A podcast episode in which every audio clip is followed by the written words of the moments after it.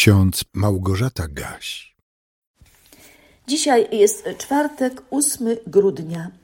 W drugiej księdze Mojżeszowej, w 35 rozdziale, wierszu 29 czytamy: Każdy mężczyzna i każda kobieta z Izraela, których pobudziło serce, przynosili dobrowolne dary dla Pana.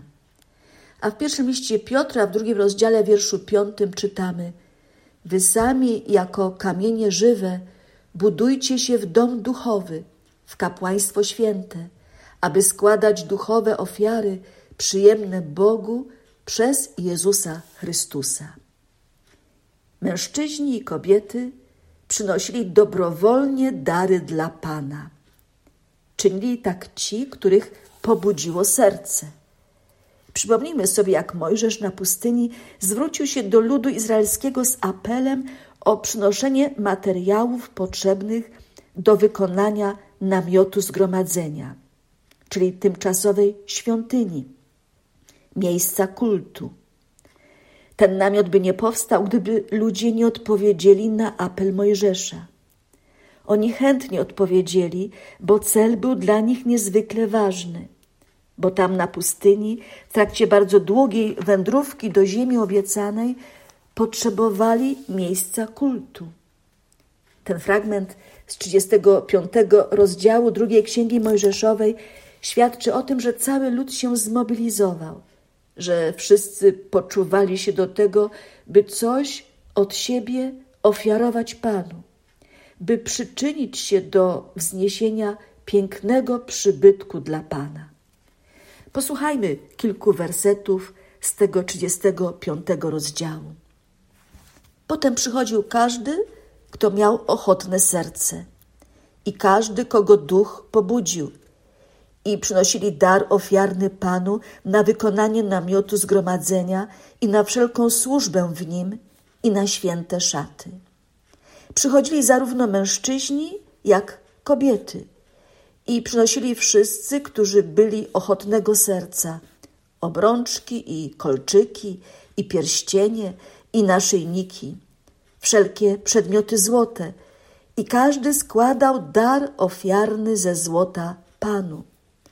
Każdy też, kto posiadał fioletową i czerwoną purpurę, e, karmazyn, dwakroć barwiony bisior, sierść kozią, skóry baranie na czerwono barwione, skóry borsucze, przynosił je.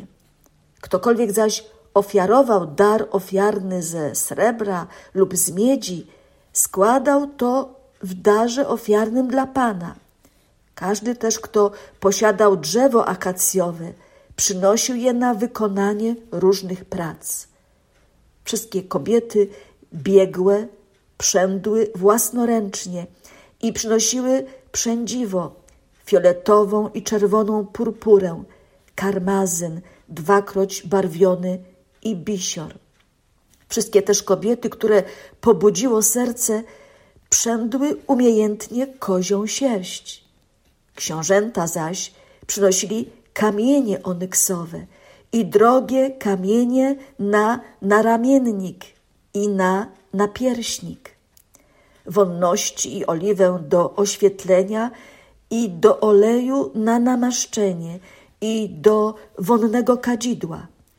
Każdy mężczyzna i każda kobieta z Izraela, których pobudziło serce, składali się na wszelkie dzieło, jakie Pan nakazał Mojżeszowi wykonać i przynosili dobrowolne dary dla Pana.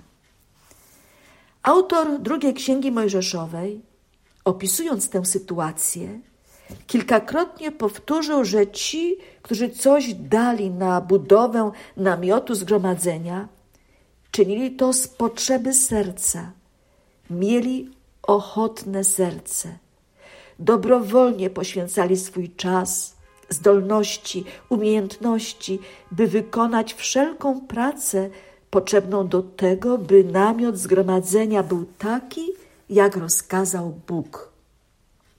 I wezwał Mojżesz wszystkich zręcznych mężów, których serce Pan obdarzył mądrością, wszystkich, których serce poniosło, aby przystąpić do pracy i ją wykonać. Przypominam sobie ten fragment z Biblii i nasuwa mi się pytanie, może Wam również.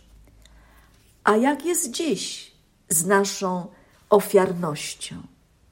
Czy dajemy na szczytne cele z potrzeby serca? Stale słyszymy o różnych akcjach charytatywnych. Teraz w Adwencie w kościołach można nabyć świece w ramach akcji wigilijne Dzieło Pomocy Dzieciom. Przez cały rok docierają do nas apele o pomoc dla ludzi, których leczenie jest bardzo drogie i często musi się odbywać za granicą. Gdy rozpoczęła się wojna w Ukrainie i wielu uchodźców dotarło do nas właściwie bez niczego, przed każdym z nas stanęło pytanie, czy ja też mogę coś dać, czymś się podzielić. Ale czy chcę to zrobić z potrzeby serca? Na pewno nie jeden raz słyszeliśmy o zbiórce ofiar na remont kościołów, kaplic, a nawet na ich budowę. I zawsze wtedy zadajemy sobie pytanie: czy ja też mogę coś dać? Ile mogę dać? Jak mogę dać? Dla Boga ważne są nasze intencje, nasza motywacja, bo ochotnego dawcę Bóg miłuje, jak czytamy w Biblii, w drugim liście do Koryntian, w dziewiątym rozdziale. Dzisiaj też przypominamy sobie z pierwszego listu Piotra, że jako chrześcijanie możemy być przyrównani do żywych kamieni, które tworzą dom duchowy. Budujcie się w dom duchowy, w kapłaństwo święte, napisał apostoł Piotr. A wszystko po to, by składać duchowe ofiary przyjemne Bogu przez Jezusa Chrystusa. I to też musi się dziać z potrzeby serca, dobrowolnie. Bo jeżeli tak nie jest, to prędzej czy później taki członek zboru, kościoła, odpadnie, odejdzie, odsunie się. By być żywym kamieniem, trzeba trwać w bliskiej relacji z Chrystusem i z innymi wierzącymi. W katechizmie heidelberskim możemy przeczytać: Wszyscy wierzący jako całość, jako jednostki tworzą społeczność w Jezusie Chrystusie, gdyż są członkami Jego ciała. Dlatego dzielą z Nim wszystkie Jego bogactwa i dary. Mają też obowiązek chętnego i radosnego służenia nimi innym członkom dla ich pożytku i zbawienia. Adwent trwa. Wykorzystujmy czas, jaki jeszcze mamy do dyspozycji. Wykorzystujmy czas i chciejmy rzeczywiście budować się w dom duchowy, jako siostry i bracia w wierze.